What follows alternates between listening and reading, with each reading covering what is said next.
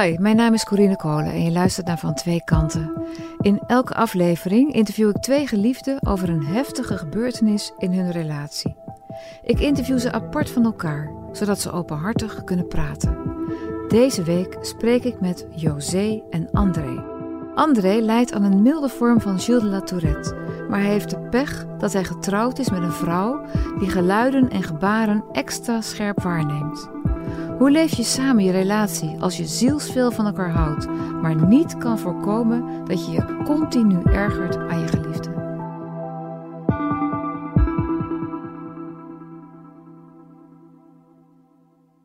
Hoe hebben jullie elkaar leren kennen? Um, André woonde in huis bij mijn broer. Mijn broer had een uh, groot uh, herenhuis en daar woonde hij. En het huis moest opgeknapt en ik had herfstvakantie. Ik zit in het onderwijs en uh, niemand verder had vakantie. Dus ik dacht, ik ga gewoon helpen. Toen ben ik gaan helpen klussen. Dus José die uh, is toen een keertje komen helpen met uh, schilderen. En toen hebben we een hele tijd samen op de trap uh, met z'n tweeën geschilderd. En we raakten aan de praat. En ja, later kwam ik erachter dat ze me al een tijdje wel leuk vond. En dat was eigenlijk de aanzet om een eerste keer uit te gaan. En dat was heel gezellig. En toen, uh, ja, van het een kwam het ander. Was je meteen heel erg verliefd op haar? Nee, niet meteen. Ik vond het wel een heel fijn gezelschap. Uh, wat ik al zei, het, uh, ja, ze, was, ze was jong en enthousiast en nam vaak het initiatief. En ja, ik vond het gewoon ook heel interessant dat zij mij interessant vond.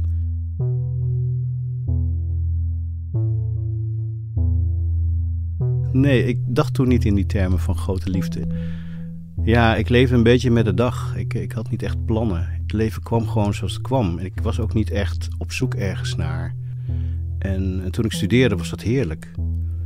Uh, alles overkwam me, relaties overkwamen me gewoon. Dat gevoel had ik gewoon. En José overkwam me ook gewoon. Ja, ik vond het al in die tijd ook al heel sexy. Ze had altijd een, uh, een, een truitje aan waarvan de schouder afzakte, zodat ik altijd zicht had op haar blote schouder. En ja, op de een of andere manier was ze heel rebels in mijn ogen. En ik liet me heel graag meevoeren. En ik denk dat ik later echt uh, pas verliefd op haar ben geworden.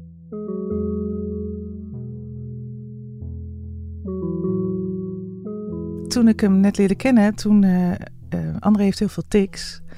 En um, ik vond dat helemaal niet erg. En daar was ik verbaasd over. Want ik, ik was altijd heel gevoelig uh, voor geluiden van mensen. Wat deed hij? Ja, hij kuchte veel. En hij, hij maakte tijdens het praten uh, uh, geluiden met zijn mond. Heel kleine, hele kleine geluidjes die bijna niemand hoort. Dit. En dat valt vaak niet eens op. Maar um, ja, ik, ik heb ze denk ik al sinds mijn, sinds mijn vroege jeugd. Nou ja, hij heeft ook motorische tics. Uh, wat betekent dat hij met zijn arm trekt of met zijn borst of soms met zijn hoofd beweegt. En ik weet dat ik in mijn dagboek schreef: hij heeft heel veel tics. En ik vind het helemaal niet erg. En dat verbaasde me wel heel erg. Ja, want ik wist wel, dit, dat is eigenlijk heel gek dat ik dat niet erg vind. Want ik wist dat ik daar niet goed tegen kon. Op een gegeven moment begon het een, een, een ding te worden tussen ons. En José begon zich uh, steeds meer aan mijn, uh, met name mijn vocale tics te, te storen. Wat zei ze? Uh, dat ik niet zo hard moest slikken. Dat ik heel vaak zat te kuchen. Is dat nou een tik? Doe je dat nou expres? En toen, um, ik werd me daardoor steeds meer bewust van wat ik deed en wat ik had. Wanneer werd je er gek van? Ik denk na een jaar of zo denk, achteraf denk ik, nadat de eerste verliefdheid wegging. Ik vond hem nog steeds heel leuk, maar ik werd gek van die tics. Ja, ik, ik werd er uh, nerveus van, heel erg nerveus. Hoe is dat dan als iemand dat tegen je zegt? Ja, in het begin is dat heel confronterend, omdat het iets is wat, wat mij nooit echt is, uh, is opgevallen. En dat was hoe lang nadat jullie elkaar kenden? Ja, vier, vijf. Toen zij daarover begon, hoe reageerde jij daar vervolgens op? Nou, ik, in eerste instantie was ik heel boos. Uh, omdat ik dacht van ja, um, waarom, hoezo komt het nu? Je, je, kent me al heel lang. Je wist dat ik dit had toen je me leerde kennen. Uh, sterker nog, ik, kennelijk is het haar eerder opgevallen dan dat het mij was opgevallen. Ehm, ja, in eerste instantie eh, zijn we zo redelijk gemoedelijk met elkaar omgegaan. En op een gegeven moment werd het een probleem. En nou ja, het, ik, ik vat het nogal persoonlijk op. Dus het was voor mij best wel moeilijk. We wisten ook niet wat die tics waren. Uh, wij hebben na heel lang gedacht, moeten we daar niet eens verder naar gaan kijken? En toen um, kwamen we uiteindelijk, hij was bij een neuroloog. En die, die, dat was omdat hij ging kijken van wat zijn dat, wat is dat nou? Dat ik zo bewegelijk ben en, en steeds de behoefte heb om een geluid te maken. En in een gesprek uh, wat we met z'n tweeën met die neuroloog hadden, die wilde ook mijn kant van het verhaal horen. Ja, was eigenlijk in twintig minuten bekeken dat het uh, Gilles de la Tourette was. Wij zijn toen samen in behandeling gegaan. Hij kreeg daar tikbehandelingen. En ik kreeg daar behandelingen om mijn basisspanning lager te krijgen. Dus ik kreeg daar mindfulness oefeningen en hij eigenlijk ook. Want hij, hij, wat, wat tikbehandelingen inhouden is dat je gewoon probeert ze tegen te houden. Zo lang mogelijk met een stopwatch ernaast. Dat moesten we ook thuis doen. En dan moest ik uh, de stopwatch uh, vasthouden en uh, moest tussendoor vragen van... Goh, hoe, hoe is je spanning? En dan van 0 tot 5. En dan als hij zei vijf, dan, ja, dan, dan zei ik probeer nog even. En als het niet meer ging, dan ging de stopwatch uit. En dat, de theorie was, hoe langer je dat volhoudt, hoe, hoe groter effect het heeft. Want dan ervaar je dat je er eigenlijk ook tegenin kunt gaan. Maar het is iets wat onbewust gebeurt nu. Jazeker, ja. Dus hoe kan je er dan tegenin gaan? Ja, met wilskracht. Ja. Dus om, door je daar bewust van te worden en vervolgens met wilskracht dat te bestrijden. Ja, en dat, dat, dat was in onderzoek toen. En daar, daar werden op zich goede resultaten mee behaald, maar nooit voor altijd. Dat werd al gezegd. Het kan er een periode minder van worden, maar het gaat gewoon niet over.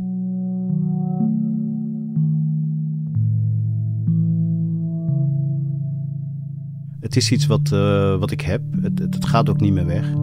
Ik kan het leren beheersen, maar het, ja, dus dit ben ik. Ik ben uh, ja, met alles wat ik heb, is dit wat ik meebreng. En, en, en, ja, het voelt ook wel, ik, ik weet wel dat ik het een beetje van me af moet zetten, maar het voelt nog steeds aan als een persoonlijke aanval. Ja.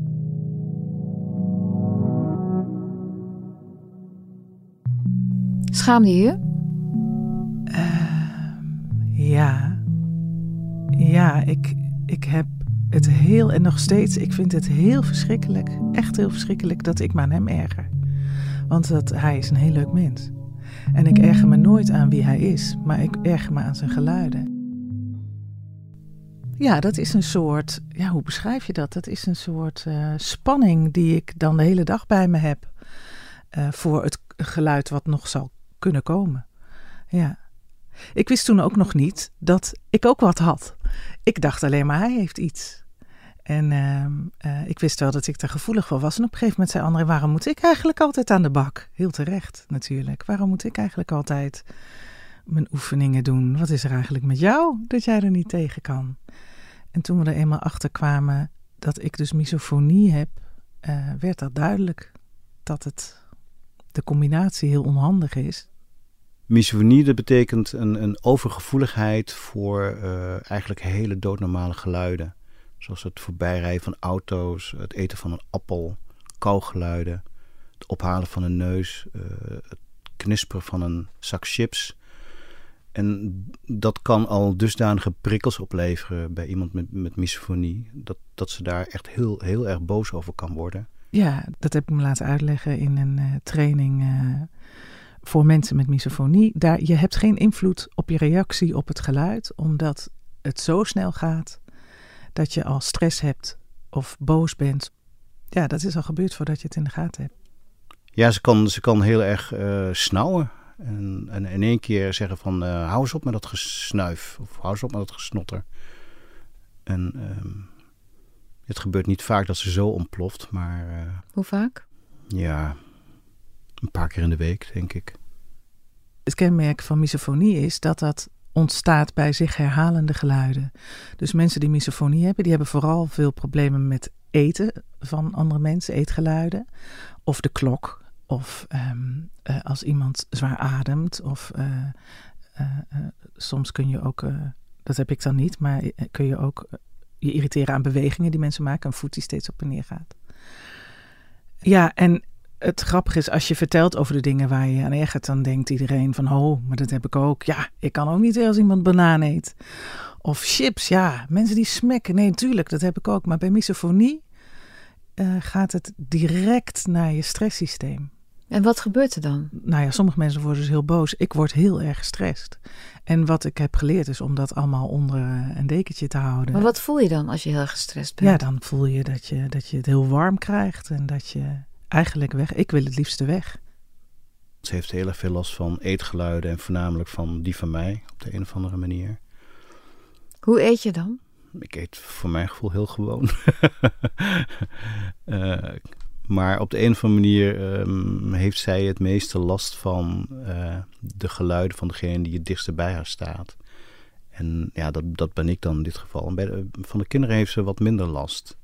Maar ze heeft in principe last van alle doodnormale huistuin- en keukengeluiden.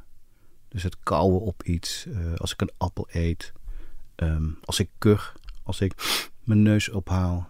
Nou, bijvoorbeeld als wij op de bank zaten, maar dat is net zo goed nog zitten hoor. Um, uh, en, en André heeft heel veel tics, want ook als hij niet praat, heeft hij tics. Ja, dan, dan voelde ik de spanning uh, opkomen. Kijk, naar de eerste twee, als ik net bij hem zat, dacht ik, kom op Joos. Erg je niet. Weet je, adem in, adem uit. Hij kan er niks aan doen. Weet je, daar begint het natuurlijk. Iedere avond, iedere dag. Um, hij kan er niks aan doen. Hij kan er ook echt niks aan doen. Um, maar ja, op een gegeven moment, uh, na de vijfde, zesde, was mijn stresslevel echt al wel behoorlijk hoog. En dan, dan begon ik er wat van te zeggen.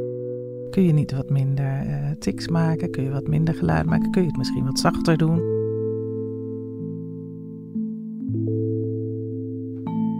Is het dan zo dat je bij elke handeling je afvraagt: uh, verhoogt dit haar stress of niet?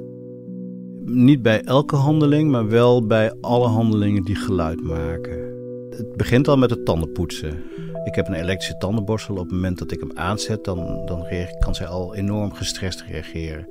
Dus op het moment dat ik mijn tanden wil poetsen, moet ik al gaan kijken: is José in de buurt? Uh, en dan moet ik even overleggen. Kan ik even mijn tanden poetsen? Ga jij dan even de kamer uit? Of uh, uh, moet ik even op, de, op toilet gaan zitten? Doe ik ook wel eens. Dan ga ik op toilet mijn tanden poetsen. Um, het geluid van mijn slippers. Uh, als ik op slippers door het huis loop, dan is dat al een geluid wat, wat ook heel veel prikkels oplevert. Ik, ik, ik neem dan wel afstand. Ik probeer dan wel ehm, nou ja, of, of het nou is uit boosheid of, uh, of dat ik probeer rekening met het te houden. Um, het zorgt wel voor afstand. Het zorgt er wel voor dat ik denk van nou, ik hoef dit niet elke dag te horen. En ik wil ook niet dat ze last van me heeft. Het is een beetje dubbel. Wat, hoe, waar bestond het afstand nemen uit? Um, nou ja, ik zorgde er wel voor dat er ook fysiek afstand tussen ons uh, zat. Um, dus ik ging aan, aan de andere kant van de bank zitten of ik ging uh, niet aan tafel zitten als hij aan tafel zat. Als wij aan tafel zaten uh, en dan met z'n vieren en er zijn drie mensen aan het eten, dat kon ik eigenlijk niet. Dus ik, er waren momenten dat ik het ontweek. Dat ik dacht, um, wij eten vast met z'n drieën en dan eet André als hij uit zijn werk komt. En het, het mooie, maar eigenlijk ook het het idiote van misofonie is, is dat, dat mensen met hun eigen kinderen dat veel minder hebben dan met anderen. En zeker als kinderen klein zijn, dan hebben mensen het bijna niet. Is allemaal onderzocht. Ja, dat maakt het eigenlijk uh, extra rottig. Maar goed, als wij met z'n drieën aan tafel zitten, de kinderen en ik, dan, uh, ja, dan kan ik het beter dan als we met z'n vieren zitten. Dus toen de kinderen kleiner waren, nou, dan had ik gewoon gegeten voordat, we, voordat André thuis kwam. En zei je dan ook tegen André waarom je dat deed? Nee, nee, nee. Nee. Ja, de kinderen gingen vroeg naar bed en hij kwam om half zeven thuis. Dus daar was altijd. Uh, nee, ja, het is ook een iets waar ik, uh, waar ik toch altijd wel een beetje omheen ben gegaan. Waarom? Nou, omdat het echt niet leuk is. Het is, het is echt niet leuk om het tegen hem uit te spreken, bedoel je dat? Ja, dat, maar het is ook niet leuk om, om, om het van jezelf te, te erkennen.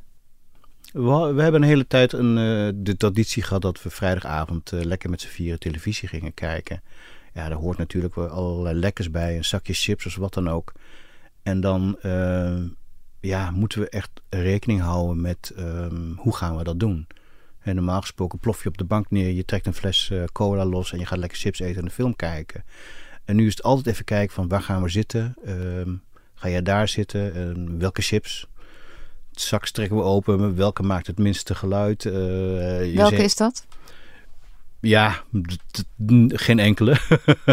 het is een illusie dat, dat, dat er een chipsoort bestaat die, uh, die geen geluid maakt. Maar uh, ja, het is, het is altijd, altijd nadenken bij wat je doet. En op wat voor manier pas jij je dan in je gedrag aan? Ga je dan bijvoorbeeld zuigen op chips, zodat ja. ze niet... Ik ga dan ook zuigen op chips, ja, klopt. En zo maken ze dan inderdaad het minste geluid. Nou, hij zegt wel eens, het is wel veel op eieren lopen. Ja. Ja. Ja, dat vind ik ook echt heel erg. Dat is ook zo. Um, uh, tegelijkertijd um, ja, is het dat voor mij ook. Omdat ik natuurlijk uh, ja, ook niet de hele tijd daar iets van wil zeggen. Dus ik probeer me ook heel erg aan te passen en niet de hele tijd te zeggen: Je hebt weer tics. Ja, dat, dat helpt ook niks. Het lastige van misofonie is dat, je dat, dat dat zich afspeelt bij de mensen waar je eigenlijk het meest van houdt. Want daar ben je het meeste bij. Ja, kijk, dat vind ik natuurlijk wel heel pijnlijk. Ik vind het echt heel verdrietig, maar ik vind het ook heel moeilijk van mezelf te accepteren. Echt heel moeilijk dat ik me erger aan de mensen waar ik van hou. En hij doet niks verkeerd.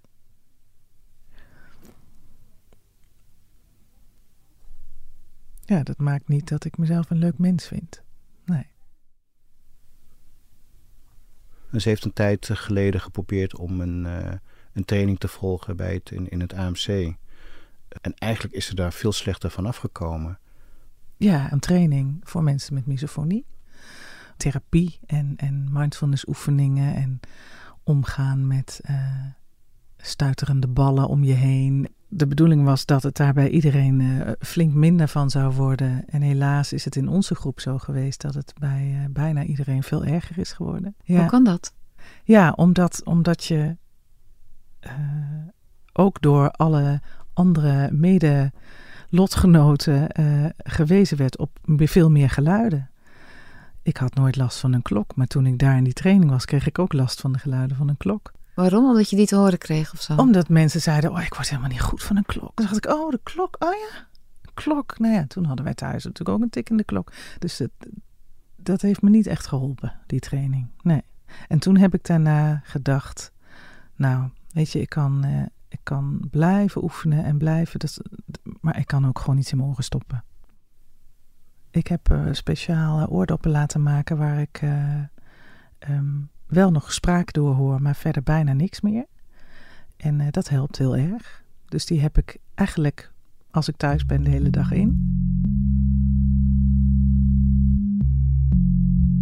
Kijk, we hebben ons huis nu gekocht omdat het een huis was met twee huiskamers. Het is heel fijn om samen te, te zijn. het fijnste vind ik als ze op mijn schoot ligt en ik door haar kroel en zij dan uh, langzamerhand in slaap val. Dat, ja, dicht, dicht bij haar, dat vind ik toch wel echt een heel fijn gevoel. Alleen door, door die Tourette en die misofonie wordt het steeds lastiger. Dus we hebben wel geprobeerd om situaties te creëren zodat we een afstand hebben, maar toch samen zijn met elkaar. Dus we hebben een tijd twee woonkamers gehad. We hebben een huis gekocht met een aanleunwoning en daar, daar woonde ik. Nu is dat, uh, wonen daar onze pubers en is dat niet meer. Maar ja, we hebben ook in de tuin een, een ruimte gemaakt. we hebben de schuur gewoon gehalveerd en daar hebben we een kacheltje neergezet in de andere deel en een bankje. En daar zit ik. Als het me te veel wordt, dan trek ik me terug. Mijn woonkamer en haar woonkamer. dus zij kon dan gewoon vluchten als ze dat wilde. Als de prikkels haar te veel werden, dan ging ze in haar, in haar bubbel zitten. Want het was bijna letterlijk een bubbel. Eh, een dubbele deur die je kon afsluiten. Had je liever alleen gebleven? Nee. Nee, en, en ik aarzel niet omdat ik, uh, omdat ik twijfel of. Maar ik had misschien wel. Ik had misschien wel liever alleen gewoond. En dat betekent niet dat ik liever niet bij, bij André en de kinderen wil wonen. Maar ik, ik denk wel, daar hebben we het wel over, dat als de kinderen uh, ooit uit huis gaan, en dan mogen ze er lang over doen als ze zelf willen, um, dat voorop. Maar ik kan me wel voorstellen dat ik weer ooit alleen ga wonen. Omdat ik wel het heel fijn zou vinden om, om die ontspanning wat vaker te voelen. Ja. En dan zeker niet bij André weg te gaan, maar gewoon weer fijn met elkaar af te spreken. Ik denk dat ik er bang voor ben dat we op een gegeven moment er genoegen meenemen dat ons leven zo is. Dat, we, dat er een afstand is en dat we uh, allebei zeggen: Nou ja, goed, het is wel oké zo. Want ik wil helemaal niet dat het zo oké is. Dat bedoel ik met het ligt wel op de loer. Dat we ons tevreden stellen met nou ja, dan moet het maar zo. En ik denk dat we gewoon elke dag moeten blijven knokken. Um, om er niet tevreden mee te zijn. Om te kijken. Ja, sorry.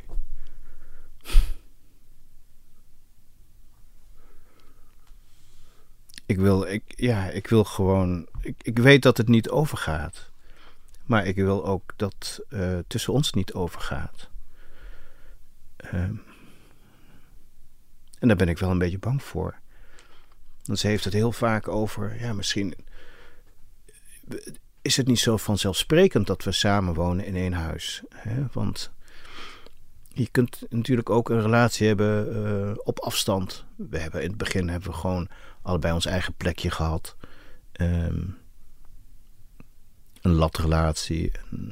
ja, hoe zou het nou zijn als ik ergens anders zou wonen, helemaal in mijn eentje? Uh, en jij daar. En we blijven elkaar toch gewoon uh, zien. Hoe zou het dan zijn? Hoe zou het dan zijn voor jou?